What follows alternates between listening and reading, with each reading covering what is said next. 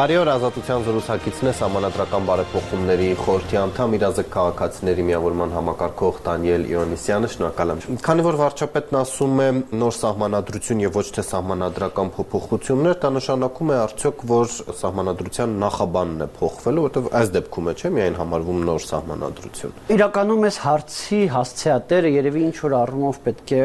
լինեն սահմանադրական իրավունքի մասնագետները, որովհետեւ նաեւ կարծիք կա, որ առհասարակ նոր սահման սահմանադրություն ընդունելը կհակասի գործող սահմանադրությանը, ինչ որ ասենց կարծիքներ կան ու այստեղ ես մասնագետ չեմ, բայց այո, ըստ եթե մենք խոսում ենք նոր շարադրանքի եւ նոր սահմանադրության տարբերության մասին բովանդակային առումով, եթե իհարկե նախաբանը բովանդակություն համարում ենք, ապա տարբերությունը նախաբանի փոխվել չփոխվելն է։ Քննարկվել է նման բան ձեր խորհրդում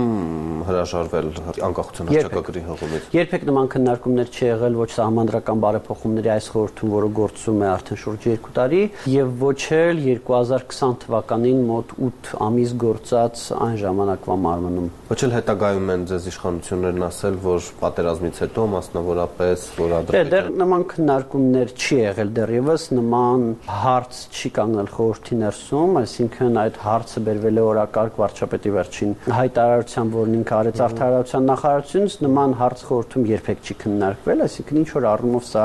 մեր համար նոր հարց է, ես ենթադրում եմ արդեն, որ այդ հարցը բայց կբերվի խորհուրդ եւ խորհրդում քննարկման առարկա կդառնա։ Եվ որն է ձեր դիրքորոշումը հրաժարվել հղումից Ղարաբաղի եւ Հայաստանի վերամիավորման մասին եւ հայոց ցեղասպանության։ Քանի չի եկել իհարկե չեմ կարող ասել նայած ինչպեսին կլինի առաջարկը, բայց բավականին նեյտրալ վերաբերմունք ունեմ բոլոր տեսակի կենացային դրույթների մասին։ Այն դրույթների մասին, որոնք գործնականում ոչինչ չեն ապահովում, բայց կենացային բնույթ ունեն։ Եվ առավելևս երբ որ այդ կենացային բնույթ ունեցող դրույթները կարող են Հայաստանի անվտանգության համար սպառնալիքների լեգիտիմիզացիայի աղբյուր լինել, որտեղ մենք տեսնում ենք, որ Ադրբեջանը դա եւս օգտագործում է, դա իր հիմնական իհարկե թեզը չի, նույնիսկ հիմնական top մի քանի թեզերից մեկը չի, բայց թեզերի մեջ կա Հայաստան նկատմամբ հնարավոր ապագա ագրեսիան լեգիտիմացնելու, այս առումով եթե կենացը պետք է ճշնամու ինչ որ մի գործողություն լեգիտիմացնի, ապա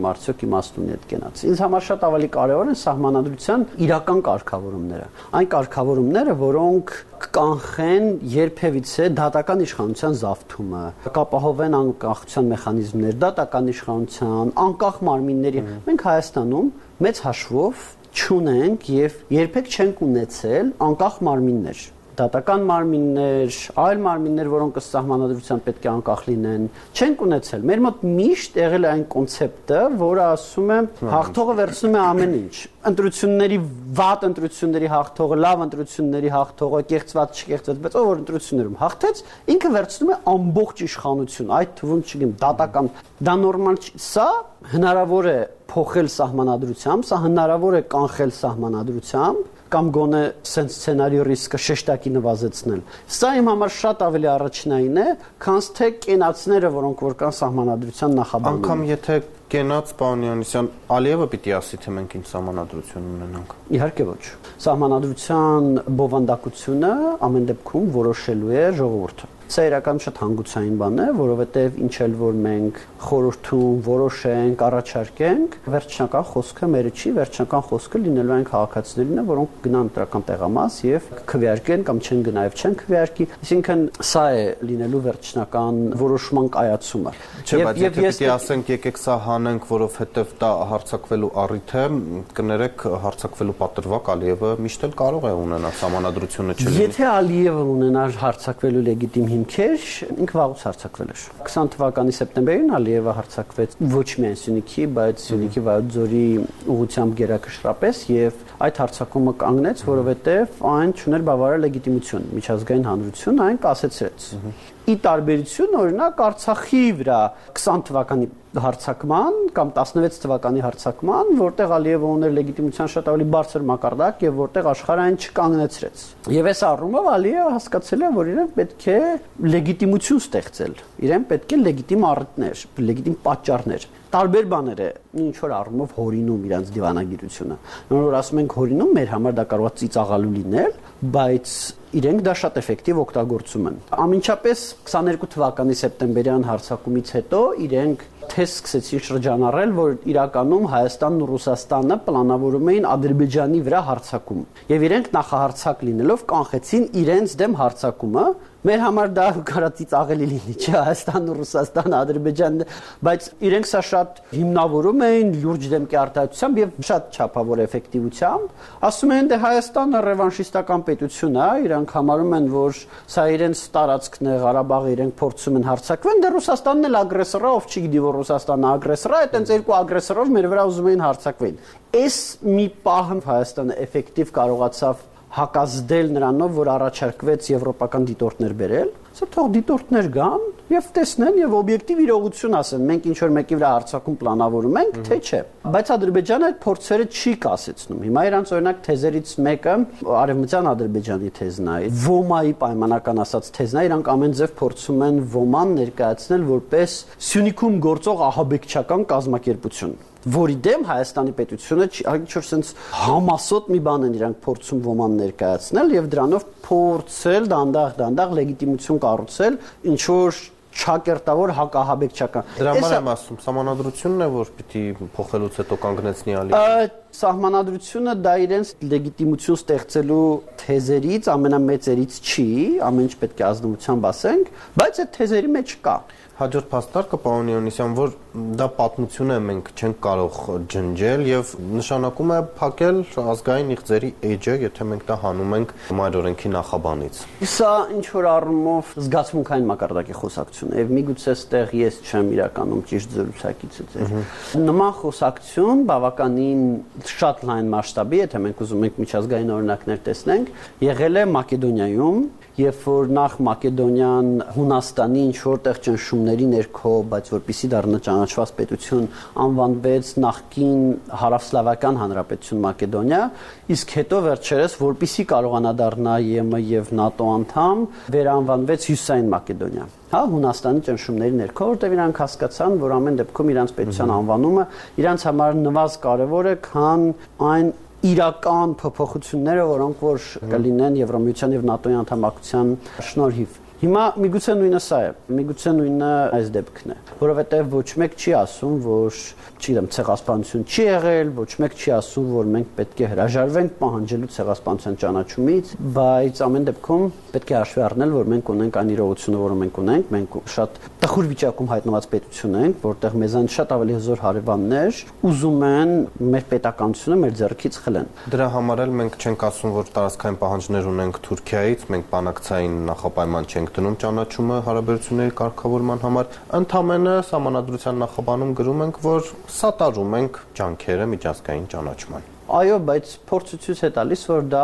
ինչքան լա տխուր չլինի ասել, չի երիկում։ Դա շատ տխուր է, բայց սահմանադրության նախաբանում, որ Արցախի հողումը կա, այդ Արցախի հողումը կանխեց Արցախի կորուստը։ Չկանխեց, Արցախը կորցրեցինք տարբեր ձևակերպումներ կան մարդկա ասումա տավեցին, մարդկա ասումա ծախեցին, նվիրեցին, կորցրեցին, գրավեցին։ Ամեն դեպքում սահմանադրության նախաբանում եւ անկախության հրճակագրում համապատասխան կետերը կային, բայց մենք դա կորցրեցինք, որովհետեւ տասնամյակներ շարունակ մեր երկրում կոռուպցիան գրավել էր պետությունը զավթել էր բոլոր պետության ռեսուրսները եւ խմում էր այդ ռեսուրսները։ Եվ երբ որ մենք պիտի Ադրբեջանին, որը նավթով եւ տարբեր տեսակի ռեսուրսներով շատ է այդ թվում մեզանց 3 անգամ շատ բնակչություն ունի, չգիտեմ, մի քանի անգամ շատ տարածք ունի, ֆինանսական ռեսուրսների մասին չասեմ։ Հակազդեինք էֆեկտիվ պետությունը, դա մեր միակ հնարավոր հակազդեցությունն էր, մենք էֆեկտիվ պետություն կառուցելու տեղ կոռուպցիա էինք զարգացնում։ Եվ սա նաև սահմանադրության թույլ լինելու արդյունք էր։ Եվ ինձ համար շատ ավելի կարևոր է, որ սահմանադրությունում այնպիսի երաշխիքներ դրվեն, որ Հայաստանը միշտ լինի ժողովրդավարական էֆեկտիվ պետություն, որտեղ միջազգային փորձ է տալիս, որ էֆեկտիվ պետությունները դրանք ժողովրդավարական պետություններն են։ Միայն մի բացառություն կա, դա Սինգապուրն է ամբողջ մոլորակում առանձին պատմությունը ինձ համար շատ ավելի կարևոր է որ մենք լինենք էֆեկտիվ պետություն, քան թե կենացները, որոնք որ սահմանադրությունում գրած են։ Միևնույնն է, այդ հակամարտությունը արդարացի չի լուծվել եւ մեր իրավունքն է դա արձանագրել։ Այո այն իմաստով, որ այսօր միջազգային իրադրությունը բարենպաստ չէ մեզ համար, վաղը գուցե փոխվի, ինչու մենք համանadrությունից հանենք այնինչ բոլորս գիտենք։ Իսկ մենք վստահ ենք, որ այդ վաղվան կհասնենք։ Մենք հույսով ենք, որ մենք այդ վաղվան կհասնենք։ Մենք պետք է ամեն ինչ անենք, որ մենք այդ վաղվան հասնենք։ Մենք պիտի կառուցենք էֆեկտիվ երկիր, էֆեկտիվ դիվանագիտություն, մարտունակ բանակ, որը էլի էֆեկտիվ պետության մի մասն է, որի կառուցումը հələ որ տենց այդքան էլ լավ չի ստացվում, բայց դա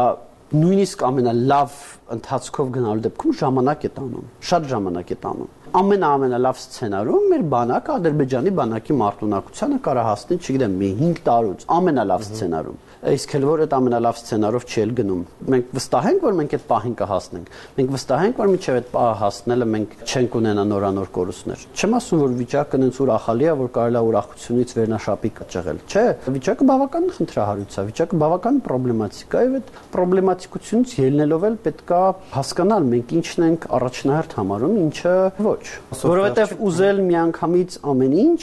համ սահմանադրությունում կարգավորումներ, համ միջազգային երաշխիքներ։ Հետո ուրիշ բան էլ կա, գիտեք, նույն բանակի կոնտեքստում այդ թեզը ադրբեջանական դիվանագիտության շատ էֆեկտիվ օգտագործվում է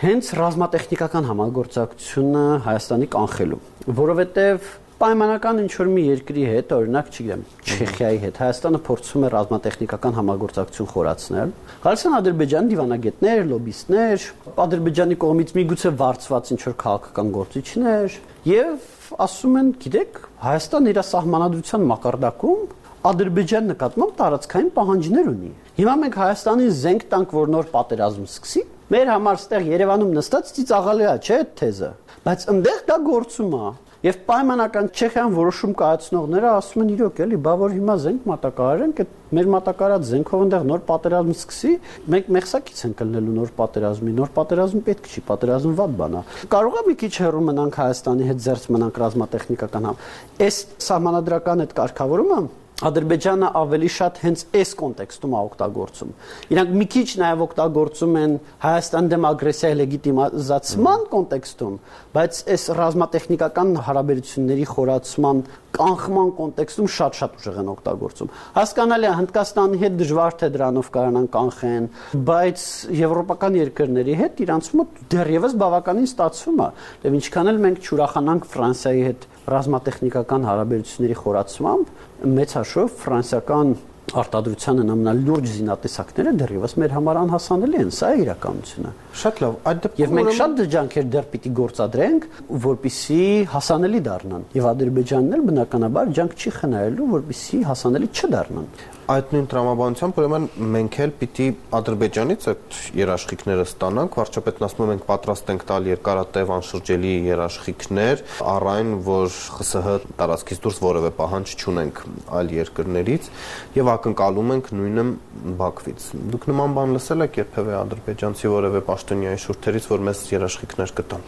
էության համարյա ոչ Ադրբեջանը չի ուզում մեզ տենց երաշխիքներ տան։ Ընդհանրապես են գծի մեջ չեն, որ ասեն, որ այ Ադրբեջանը ուզում է մեր հետ խաղաղություն, չէ, միամիտ չլինենք, Ադրբեջանը չի ուզում։ Ադրբեջանը ուզենար խաղաղություն, խաղաղության պայմանագիրը կստորագրեր, բարձա չէ։ Ադրբեջանը չի ուզում խաղաղություն, Ադրբեջանը առիթ է մանգալի, որ մեր վրա հարցակվի։ Առիթ եւ հարմար պահ։ Հա հարմար պահը ինչ որ առումով մեզանից չի կախված, չգիտեմ Ուկրաինայում դեպքերի զարգացումից, Ամերիկայում ընտրություններ, աշխարհում տարբեր բաներից է կախված, բայց իրանք առիթ ու հարմար պահ են մանգալի մեր վրա հարցակվելու Ադրբեջանը խաղաղություն չի ուզում, բայց մենք գոնե մի քիչ մեր մտածումը լեգիտիմացնում ենք դրանով, որ մենք ամեն ձև ընդգծում ենք, որ մենք ուզում ենք խաղաղություն։ Դրանով դելեգիտիմացնում ենք Ադրբեջանի հնարավոր ագրեսիան։ Մենք ադրբեջանական ագրեսիայի դելեգիտիմացնելու գործիքներ շատ չունեինք նախկինում վերջին 1.5-2 տարում են այդ գործիքակազմը դիվերսիֆիկացնում, որ մենք կարողանանք կանխել հելը որ ստացվում է, որովհետև եկեք արձանագրենք, որ գոնե Հայաստանի միջազգայինորեն ճանաչված տարածքի նկատմամբ ադրբեջանական էական հարցակում ռազմական 22 թվականի սեպտեմբերից չի եղել։ Ես ձեզ վստահեցնում եմ, այն պահին, երբ որ Ադրբեջանը կարողանա դա լեգիտիմացնել կամ ենթադրի, որ անելուց հետո post factum կկարողանա լեգիտիմացնել։ Ոչ թե հաջորդ օրը, նույն պահին իրանք դա կանեն։ Սյունիքում միջանցք գրավելը իրանց է պետք, իրանց դաշնակից Թուրքիային է պետք եւ իրենց դաշնակից Ռուսաստանին է պետք։ Երկու բան կա, որ իրենց խանգարում է, մեր զինված ուժերն են եւ մեր դիվանագիտության ինչքան էլ տխուր չլինի, բայց դեռևս արդյունավետ աշխատանք է։ Կրկին շնորհակալ եմ, որ արձագանքեցիք ազատությունում էր համանadrական բարեփոխումների խորհրդի անդամ իրազեկ քաղաքացիների միավորման համակարգող Դանիել Իոնիսյանը։